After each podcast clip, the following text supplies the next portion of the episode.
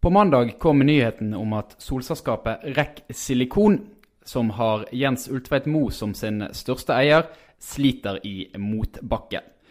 Med milliardsmell og stengte fabrikker kunne det definitivt sett lysere ut for Norges kanskje mest kjente fornybarinvestor.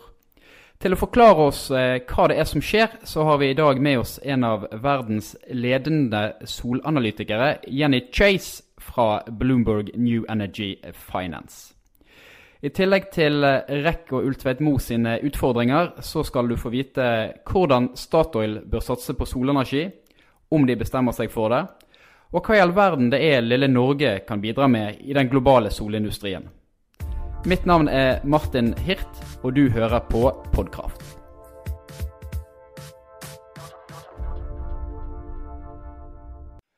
We're very glad to welcome Jenny Chase, Head of Solar Insight at Bloomberg New Energy Finance. Uh, thanks for coming on the podcast, Jenny.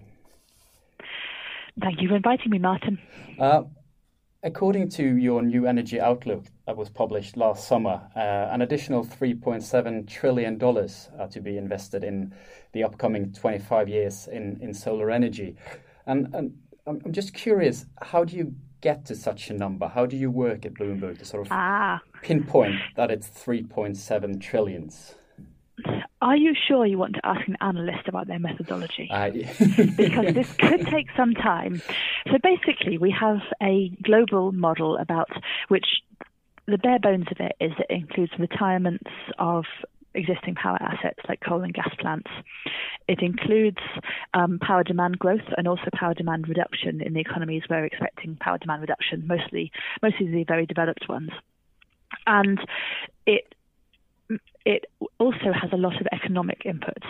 So it right. looks at what's cheapest in any given year, what countries need to build capacity, and then it builds the, the two or three cheapest technologies in every year. There's also a small scale solar model, which is which is modelling consumer uptake of just solar on roofs, which is a really big part of the solar inputs in the developed world. And altogether, this gives us a capacity outlook. And of course, there are capex forecasts in the underlying economics calculation. The, the capex forecasts are based on the experience curve that we've seen for the past 25 years projected out.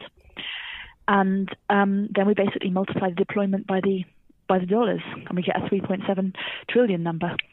It's actually about 3.4 terawatts of new so- solar. Right. I, th- I, think you did a very good job of uh, describing your methodology and still keeping it short. So uh, thank you for that.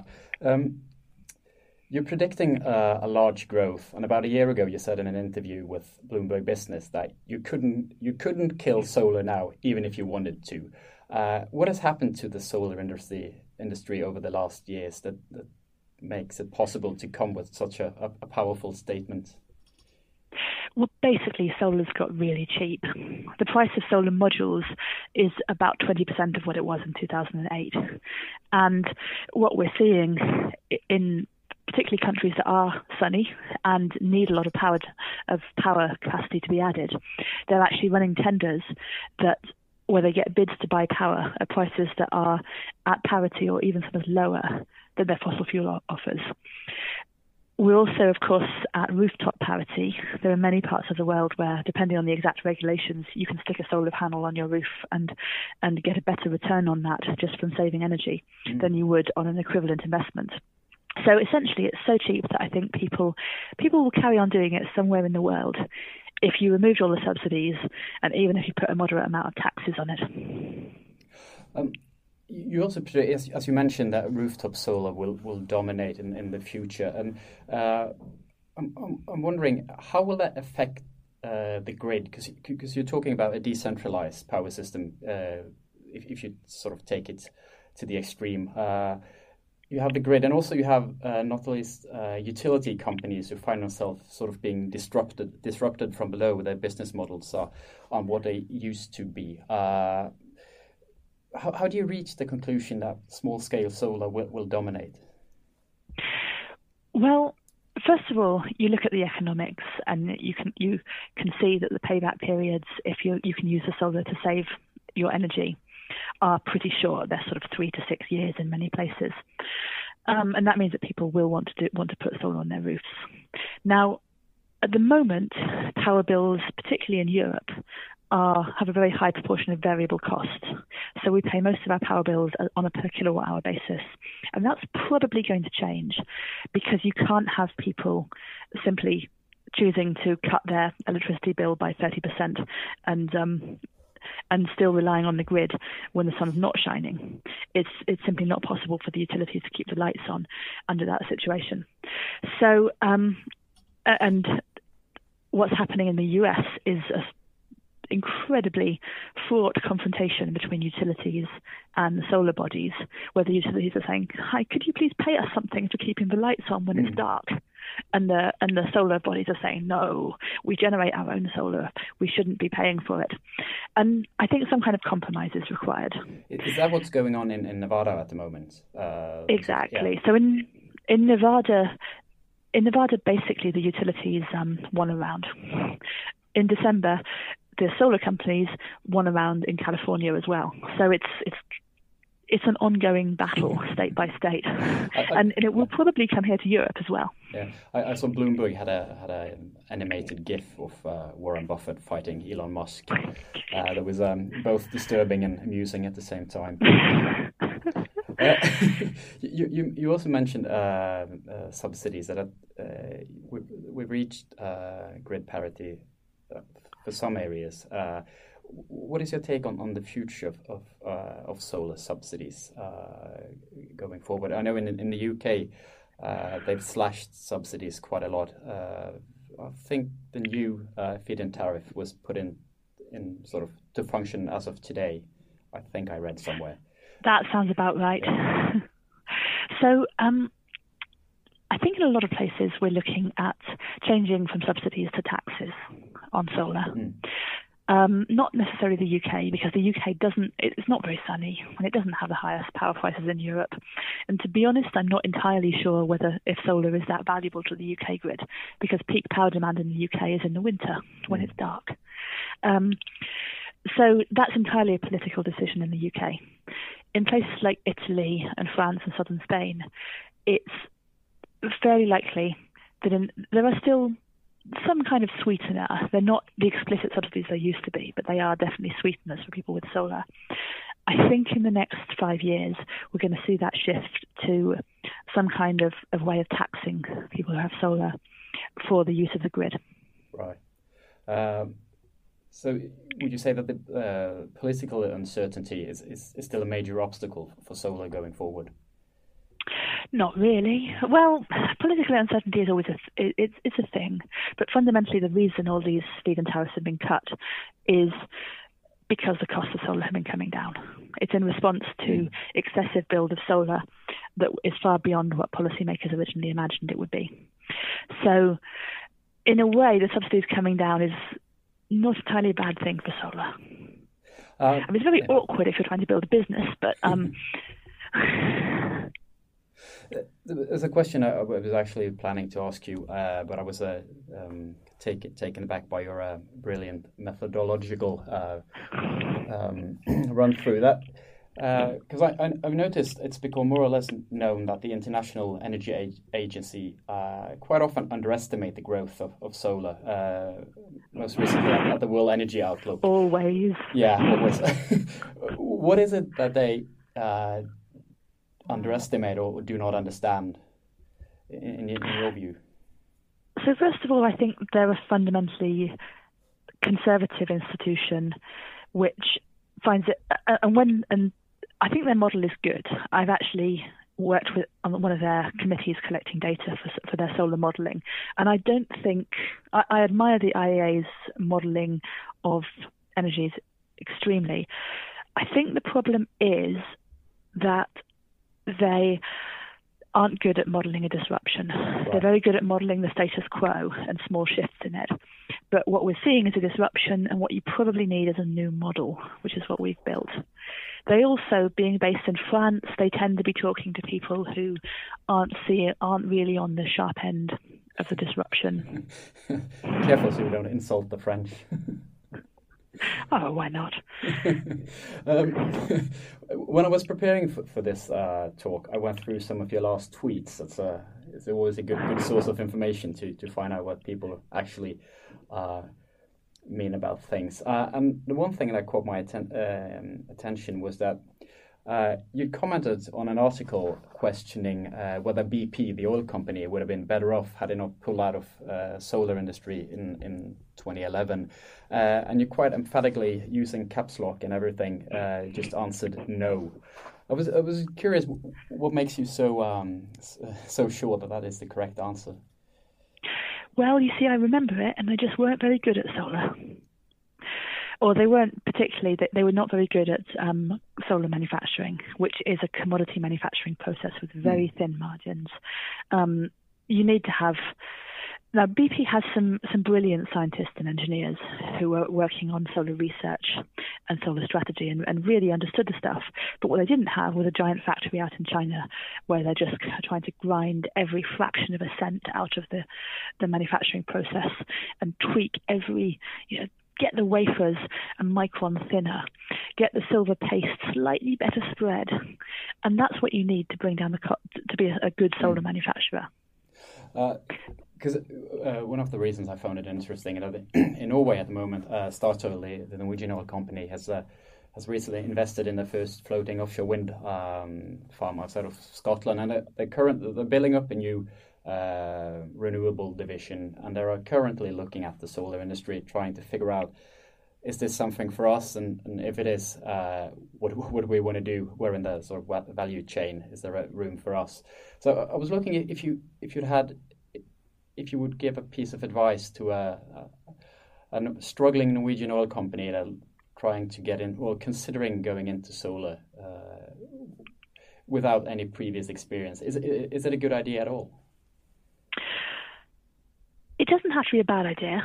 I mean, I wouldn't go into manufacturing because solar manufacturing is viciously competitive. Mm. And I think that on average, the solar companies I've written about in a 10 year career have had a shorter lifespan than my pets. so it's not manufacturing.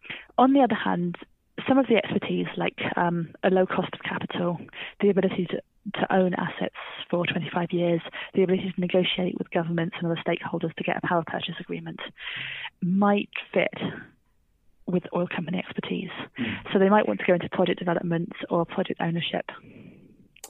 Um, if if we uh, leave the, the oil and gas majors um, as we're running to a close here, um, the Norwegian solar industry, we have a, a, a couple of uh, international uh, companies in sort of different places of the of the value chain. Uh, yesterday, uh, REC um, announced that they had to close down one of their factories in, in the US, uh, uh, at least for a period of time, and they um, blamed both uh, lower prices for polysilicon, but also an ongoing trade conflict between the US and, and China. Uh, could you briefly sort of explain what the US and China are actually arguing about, and, and what is your take on that on, on that situation? Okay, so first of all, the global price of polysilicon just hit a record low. It's about $13.1 per kilogram on the spot market, which is unbelievably low. I, I genuinely, five years ago, I would not have thought it would hit that level in my lifetime. And part of that is simply that, that manufacturers of polysilicon in China, in the US, and elsewhere have simply managed to get cost out of the polysilicon manufacturing process. And actually, some of them using a similar process to the one REC pioneered, the fluidized bed reactor process, which is um, it's a it's a wonderful thing. It's it should work. It's so intuitive. But so part of REC's problem is not just the trade um, war, it's also just the fact that there is a global oversupply of polysilicon right now. However, the trade war is not helping. What happened a couple of years ago is that the US put trade import tariffs, heavy import tariffs of um, around 30% on imports of modules from China. And the idea of that was to protect their own domestic industry, and in particular a company called SolarWorld, which is actually German, but manufactures quite a lot in the US. Um, and China retaliated. China import China historically imports quite a lot of polysilicon from the US. There are some very major US players like Hemlock and Wacker, as well as REC. And China essentially retaliated by saying we're going to put import tariffs on your polysilicon. And so far, neither of them have backed down. although there are industry bodies trying to negotiate some kind of settlement and not have these two countries' manufacturing industries slugging it out, mm. it hasn't worked yet. And to be honest, there's not a lot on the horizon. Um, uh, so, um, no good news for, for REC um, in, in, the uh, forthcoming uh, period of time. I not guess. that I could see, although um, that what what there is is a lot of companies based in China setting up factories outside China, so in Vietnam, Thailand, India, in order to dodge the get cheaper silicon by dodging the, the, tariffs on US silicon, and then dodge the US module tariffs going back in. Uh, the, the, reason why you, you, are here in, in Norway, um, Jen, is that you're addressing the uh, Norwegian renewable energy partners. I think the English title is in Norwegian. It's called INTPOW. So I, I haven't memorized the English uh, version, uh, sadly enough. Um, you're addressing the speaking at the Solar Day tomorrow. Um, do you have any thoughts on on the, on the Norwegian solar industry? Uh, different niches one could prosper in, or, or what Norway's role potentially could be uh, going forward. So the Norwegian solar industry is not very big, as you might expect. Norway is not very sunny; it doesn't install a lot, but it does have some quite innovative companies. And Norway's role has always been to develop the technologies and develop the financing mechanisms that are rolled out elsewhere. So the reason I'm here is to find out more about those companies and what they're up to at the moment. Uh, just before we finish off, uh, there's a question I, I, wanted to, to ask you. Uh, more on, on the role of Bloomberg New Energy Finance and the solar industry itself. Um, as I've been working uh, with renewable energy uh, over the last few years, I've noticed that uh, the BNF, BNEF uh, is very much a voice that's listened to when you release new reports and outlooks. Uh, do you reflect on the fact that you're also sort of shaping the narrative of, of renewable energy? That's why I come to work every day. Yeah. Yes. Um, what, what, what we set out to do 10 years ago was, um, was first of all just to provide accurate data so that it was possible for investors to make investments in renewable energy and feel like they had the information to do it. That was our original setup. Mm. Now we're also trying to shape the narrative based on accuracy. And, and, and to some extent, this is a disruption. I think you need someone who's a little bit more sensitive to disruption rather than the status quo. And yeah, we're just really focused on this. Good. Um, as as you are the expert out of us, uh, is there anything more you'd like to add before we uh, call it a close? Solar, well, photovoltaics in particular installed about about 56 gigawatts in total last year. That was a record. This year it will be about 66 gigawatts, which will be another record. And then 2017 is going to be a really exciting year because there's a whole bunch of projects in the US and India that are coming online, and that's going to be a 70 gigawatt plus year. It it would be really hard to stop solar now if you even if you wanted to.